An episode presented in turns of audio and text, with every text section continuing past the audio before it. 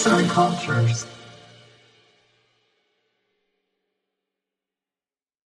Merhaba arkadaşlar. Bu haftaki Sanat Tarihi podcast'imizde biraz farklı bir konuya değineceğiz. Burada bir soru sorarak başlamak istiyorum. Modern sanat algılarımızı mı yönlendiriyor? Bu podcast'imiz tam olarak bu soru üzerinden devam edecek. Keyifli dinlemeler. Modern sanatı Andy Warhol'un 1962 yılında yaptığı Campbell çorba konserveleri serisiyle ele almak istiyoruz. Bu seride 32 tane resim bulunuyor. Modern sanat denildiğinde akla ilk gelen soru bu neden sanattır? Bir modern sanat eseri pek çok şeyi çağrıştırabilir. Ancak Warhol'un bu eserini gördüğümüz yer bir müze olmasaydı bir reklam afişinde pazarlama amaçlı bunu görseydik bir ilan olarak algılardık. Fakat bunu Warhol'un yaptığını bildiğimiz ve New York Modern Sanatlar Müzesi'nde sergilendiğini bildiğimiz için aynı çalışma olmasına rağmen reklam olarak algılayamıyoruz. Warhol bunu müzede sergileyerek aslında bize bakış açınızı değiştirin diyor. Yapılan eserde sanatsal değerden ziyade fikir önem taşıyor. Zaten modern sanat da bu değil mi? Eseri alıp müzede sergileyerek aslında onu yeniden konumlandırmış ve anlamsal olarak dönüştürmüş oluyoruz. Burada da sanatçı son derecede sıradan ve herkesin ulaşabileceği bir nesneyi alıp odak noktası haline getiriyor. Aslında bu eserde asıl önemli olan nokta ne zaman yapıldığıdır.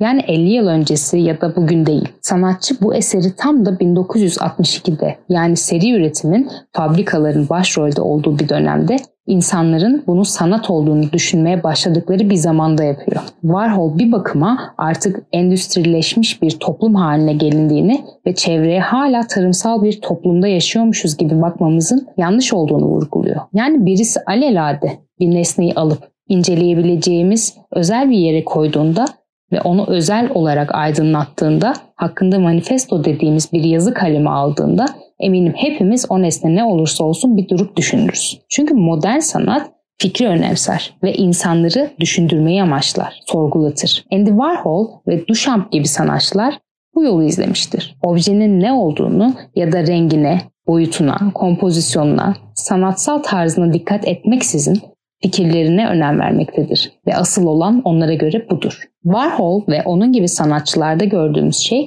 alışılmış teknik tarzda mükemmellik değildir. Bu sanatçıların önemi eserlerinde klasik anlam ustalığından ziyade dünyaya baktıkları açıların vurgulanmasıyla yatıyor. Warhol hep aynı soruyu yöneltir. Bu sanat olabilir mi?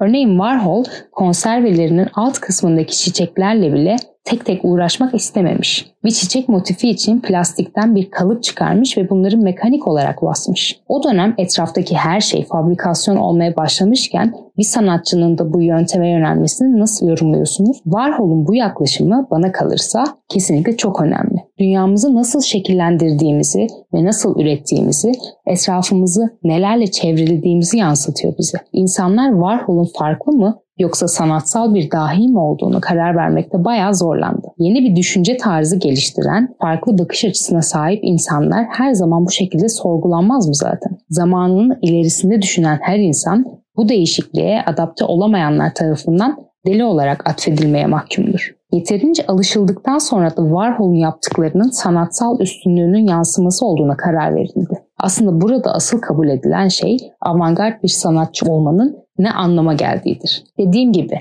bu eser şimdi yapılmış olsaydı çok özgün olmayabilirdi.